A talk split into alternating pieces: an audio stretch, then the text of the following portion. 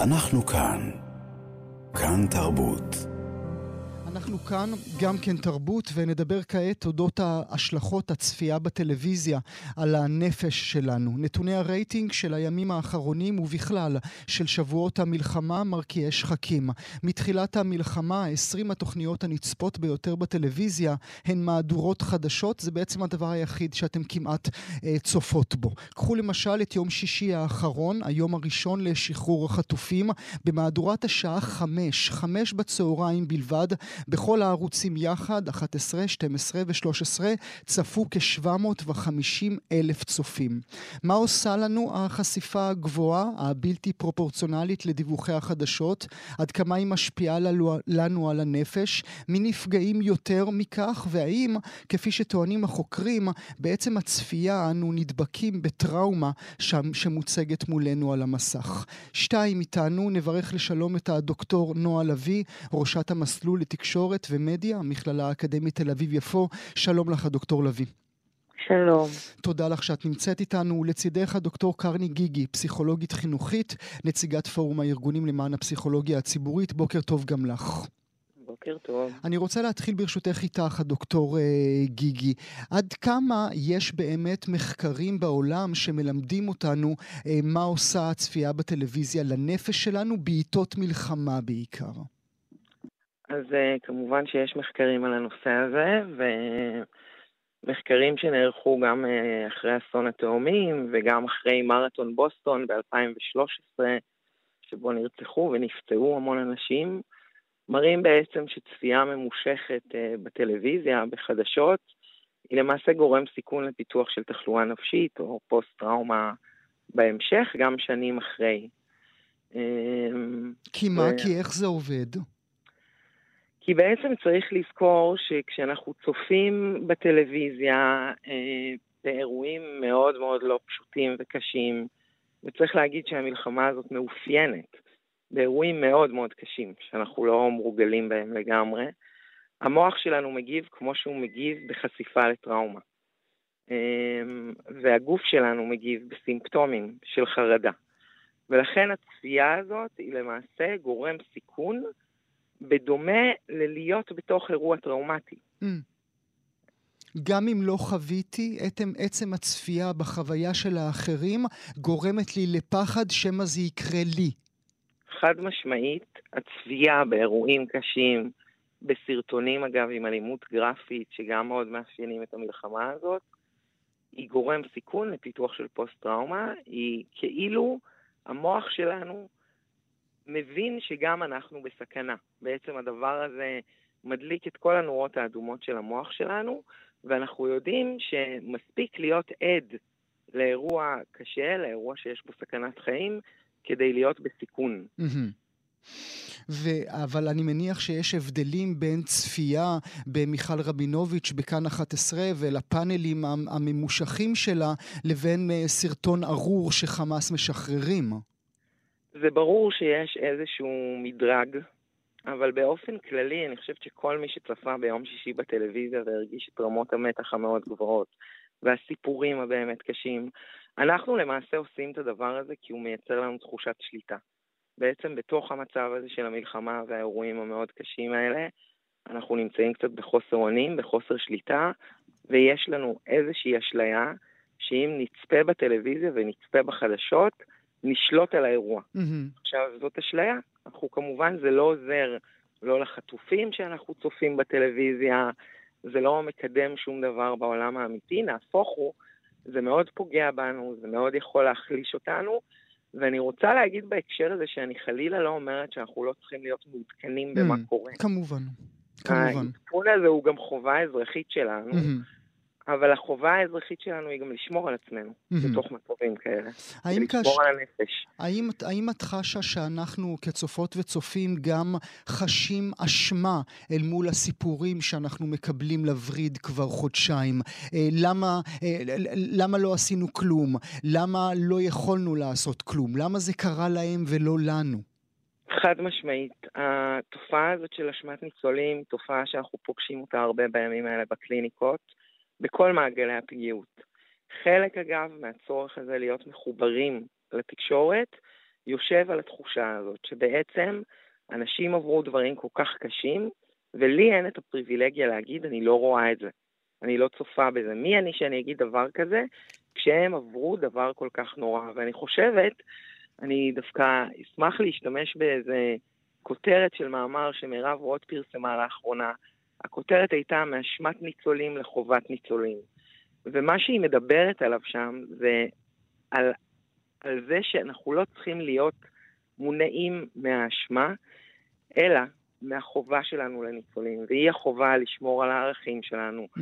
על המוסריות שלנו, על האנושיות שלנו, על היכולת שלנו לפעול בעולם ולעשות. יש הרבה דברים גם שאפשר לעשות בהם טוב בימים האלה, ולקחת אה, את הצער והכאב הזה ולנתב אותם במקום שהוא יותר חיובי ויותר בריא לנו.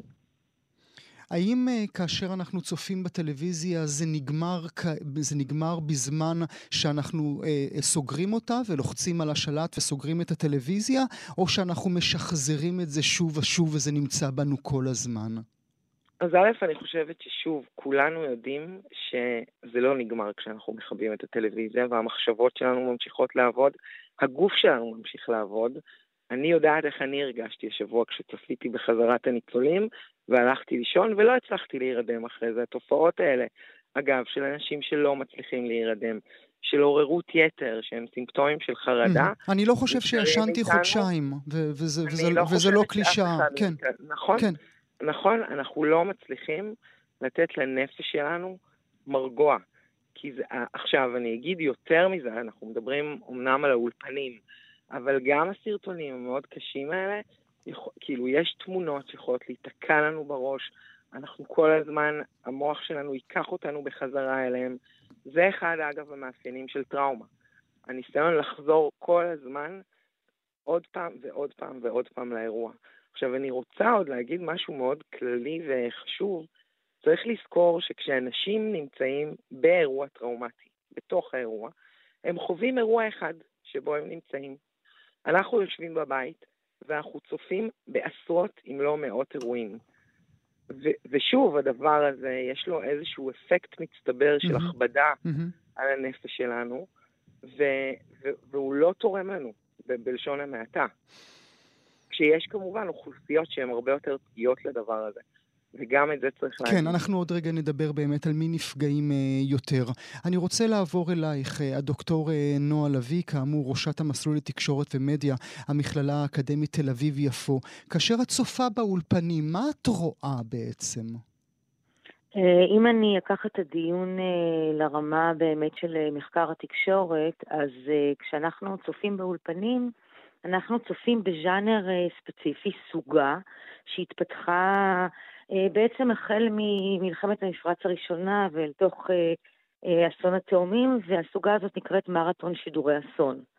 עכשיו, מרתון שידורי אסון זה פרקטיקת שידור אה, שבה בעצם אה, החדשות משתלטות על כל הערוץ 24/7, אה, כמו שאנחנו בעצם חווים בחודשיים האחרונים. דרך אגב, זה גם כמובן מגביר את הטראומה. והסוגה הזאת היא סוגה שבה יש אירוע מאוד קיצוני, כמו למשל הטבח ב-7 לאוקטובר, ולאחריו יש שידור אינסופי של תוכן חדשותי, כשבעצם האירוע עצמו נגמר, mm-hmm. אבל סביב האירוע יש אין סוף פרשנויות. כדי להחזיק זמן מסך, כדי להדביק את הקהל למסך, כדי בסופו של דבר לממן את הערוץ, ואני כן מכניסה כאן את המוטיב הכלכלי. כי זאת סוגה כלכלית כמו ריאליטי לכל דבר, אוקיי? זאת אומרת, או, או דרמה, כן?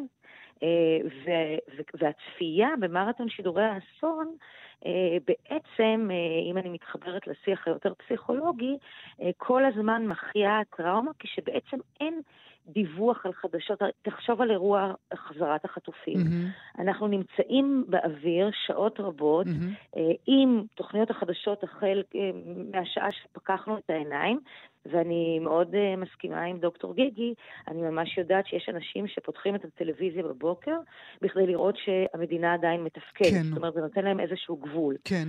עכשיו, המ... מה לעזאזל המ... קרה הלילה? כן. בדיוק. ו- ועכשיו, המרתון הזה אה, הוא בסופו של דבר אה, אה, עקור תוכן.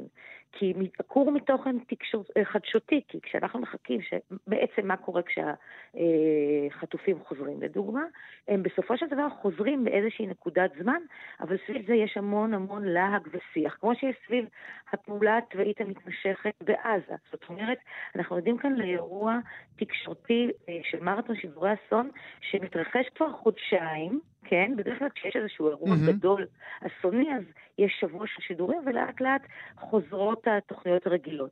אנחנו רואים שכאן קשה יותר לעשות את זה, כי האירוע הוא באמת גם עוצמתי וגם מתמשך. Mm-hmm. וכאן יש גם, אי אפשר שלא להתכחש לעובדה, שבעצם... רצועות החדשות, בעיקר של קשת 12, זוכות אה, לאחוזי רייטינג, שהוא רייטינג, mm-hmm. רייטינג מאוד מאוד גבוהים, בעידן שבו הצפייה בשידורי החדשות בטלוויזיה הולכת ופוחתת. Mm-hmm. הצעירים למשל בעולם המערבי וגם בישראל לא רואים בכלל את השידורים האלו, את שידורי החדשות, אבל כאן הנה קרה אירוע שבו שידורי החדשות שוב עלה קרנם, ויש כאן איזשהו רווח גם כמובן לת, ל, ל, ל, לערוצים המסחריים, אני מדברת על המסחריים, כן. אבל את, את מרגישה גם בתוך הדיונים עצמם, בתוך השעות האינסופיות, שיש איזה סוג, איזשהו סוג, גם את מאוד נזהרת וגם אני מאוד נזהר, בוודאי המאזינות והמאזינים שלנו שמים לב לזה. אמרת ככה בחצי מילה ריאליטי, האם את מרגישה שיש איזשהו רצון למלא את סף הגירוי אה, של הצופה בבית? אז אז כמובן שאתה צודק. אפרופו סף הגירוי, ודוקטור גיגי הזכירה את הסרטונים, שהגרפים שאנשים נחשפו להם ברשתות החברתיות, בעיקר בטלגרם, אבל פה זאת באמת אה, דוגמה ספציפית לתהליך ארוך ומתמשך של זניחת ערוצי החדשות המרכזיים לטובת אה, באמת הרשתות החברתיות, ששם התוכן הרבה הרבה יותר, אה, אה, בכל הקשר שהוא אה, גרפי, אלים, mm-hmm. אה, סוחף את החושים. כן, לזה צריך להוסיף כן. כוכבית שהרשתות כולן אה, היו סרטונים שהם החליטו לא לשדר, היו שבויים אה, שדיברו מן, ה, מן התופת ולא שידרנו את, ה, את הדברים שלהם. הם, הם, במידה רבה, 11, 12 ו-13 ששיחקו כאן את תפקיד המבוגר האחראי. נכון, אבל עם זאת, אה, הם בעצם צריכים לספק את סף הגירוי המאוד גבוה של הצופים בטלוויזיה במאה ה-21. ואכן הם לוקחים על עצמם איזשהו תפקיד של מבוגר אחראי, שגם זה אפשר להסתכל על זה, ואני מאוד נזהרת, כן? רגע, אם אני מסתכלת על זה כחוקרת, מנותקת מהסיטואציה, אה, מהרגש שלי, אז uh, הם משחקים פה איזשהו אולי תפקיד כדי לבדל את עצמם מהרשתות, ובכך לזכות mm-hmm. באיזשהו mm-hmm. קרדיט של אמינות בעידן של fake news, אבל את הצורך האינסופי של uh, תיאורים גרפיים והעלאת סף, ו- וסף גירוי מאוד מאוד גבוה, ממלאים בכתבות uh, מגזין על משפחה שקרה לה אסון לכך וכך וכך, מראיינים את הילדים שמחכים uh, במלון uh, uh, המפונים uh, מכפר עזה לדוגמה, ומראיינים את הילדים אה, בצורה, אה, אפשר לומר, אה, אה, מציקה, כן, ואיך אתה בדיוק מרגיש, ומה חשבת על החברים שלך, ומה אתה חושב היה להם, ומה תגיד להם, ועוד פעם ועוד פעם, שאלות שנוגעות בפן המאוד רגשי של פורנוגרפיה רגשית, mm. שאם אי אפשר לתת פורנוגרפיה ויזואלית, אז נותנים פורנוגרפיה רגשית, ואם אני הזכרתי את המילה ריאליטי, ואתה הזכרת שהזכרתי את המילה ריאליטי, אז אני לא היחידה, אני חושבת, שצופה ב, למשל בהחזרתם של השבויים.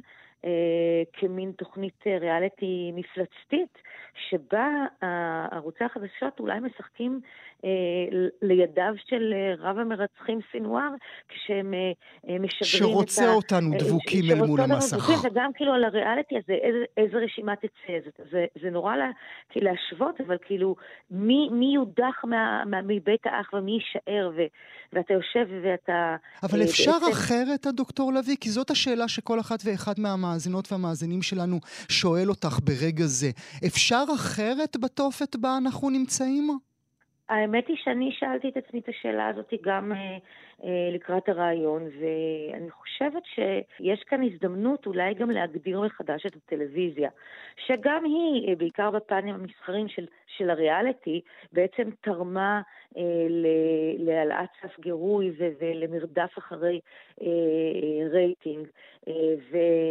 אפשר את הדיון סביב האח הגדול, אה, סליחה, לא אה, הכוכב הבא לאירוויזיון, כן לשדר, לא לשדר, mm-hmm. ועדיין משדרים, וזה עדיין ריאליטי, למרות שמצאו גרסה יותר אה, רכה, אה, עצובה, אה, אבל, אבל עדיין יש מסך שעולה ויורד.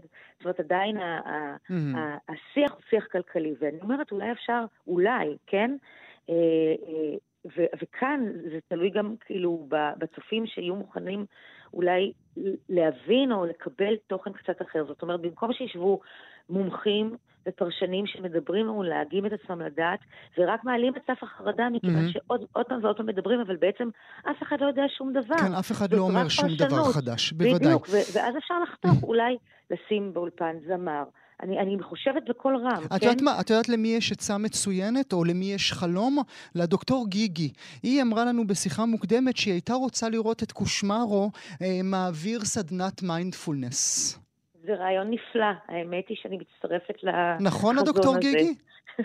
כן, אני חושבת שהתקשורת יכולה לייצר תכנים שהם מקדמים חוסן. אה, זה כנראה יפגע ברייטינג שלה, אבל אני חושבת ש... אם הייתי רוצה שאנשים שמאזינים לנו יצאו עם מסר מכאן, או שהתקשורת לא דואגת לבריאות הנפש של אזרחי ואזרחיות מדינת ישראל, ו- ובמצב הנתון התפקיד הזה מוטל עלינו. לשמור על עצמנו מהדבר הזה, לצרוך חדשות בצורה נבונה. יש גם, לא דיברנו על זה, יש עוד דרכים חוץ מלצפות בטלוויזיה וצריכת חדשות, לקרוא אותן, שזה דרך קצת יותר... כן, זה כבר חודשיים, אנחנו שומעות ושומעים ממומחים נכון. שאומרים לנו, אל תצפו, תקראו, זה, זה תמיד עדיף.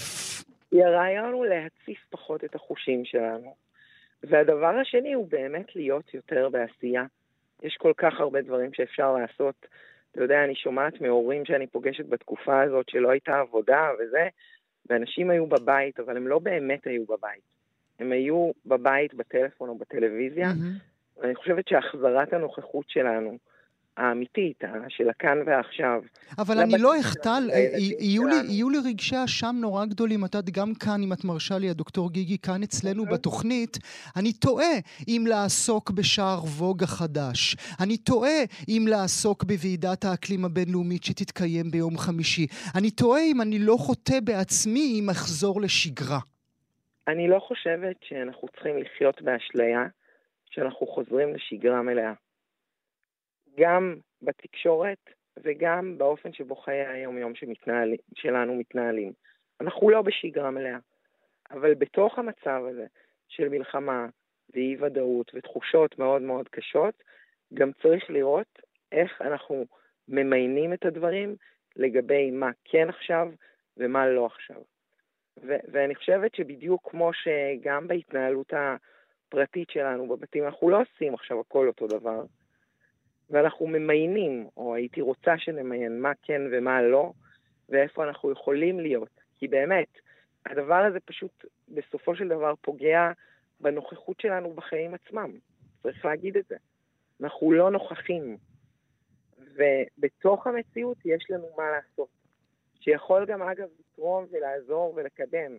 אם זה לילדים ולמשפחה הקרובה שלנו, אם זה אגב בהתנדבויות, שאנחנו mm-hmm. יודעים שהרבה אנשים עושים את זה. כי זה אגב הרבה יותר תורם לבריאות הנפש שלנו, לתחושה, לתחושת המסוגלות שלנו שכל כך נפגעה. Mm-hmm. ואולי גם לשבויים עצמם, אולי גם לשבויים והנפגעים נכון. עצמם, זה תורם להם יותר כאשר אנחנו יוצאים החוצה, מאשר כאשר אנחנו צופים בהם בטלוויזיה. זה בוודאות. אולי אה, מילה לסיום שלך, הדוקטור אה, נועה לביא, אה, ברשותך. הפסקת? כיבית את הטלוויזיה?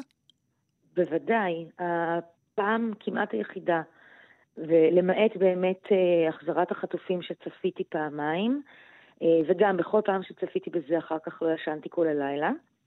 אה, בשבעה לאוקטובר צפינו בטלוויזיה באופן רציף, ולאחר מכן פשוט החלטנו שאנחנו לא, לא נעשה את זה יותר. אנחנו גם באופן עקרוני, האמת, מאז צוק איתן לא צופים בטלוויזיה, בעיקר לא בחדשות, מכיוון שבאמת ראינו אפילו בפן האישי שזה מקדם חרדה. בצורה יוצאת דופן. אבל אני כן רוצה לסיים במילה טובה. ב-7 לאוקטובר, ברגע מאוד מאוד חשוך של מדינת ישראל כמדינה שלא תפקדה. מי שעשה את העבודה זה, זה ש... מהדורות החדשות. זה מהדורות החדשות, בדיוק. צריך לזכור את זה כל הזמן. ה-7 באוקטובר, הטלוויזיה היא זו שלימדה אותנו, שהצילה רבות ורבים, בוודאי. נודה לכן מאוד על השיחה הזו. הדוקטור נועה לביא, הדוקטור קרני גיגי, תודה רבה שהייתן איתי הבוקר.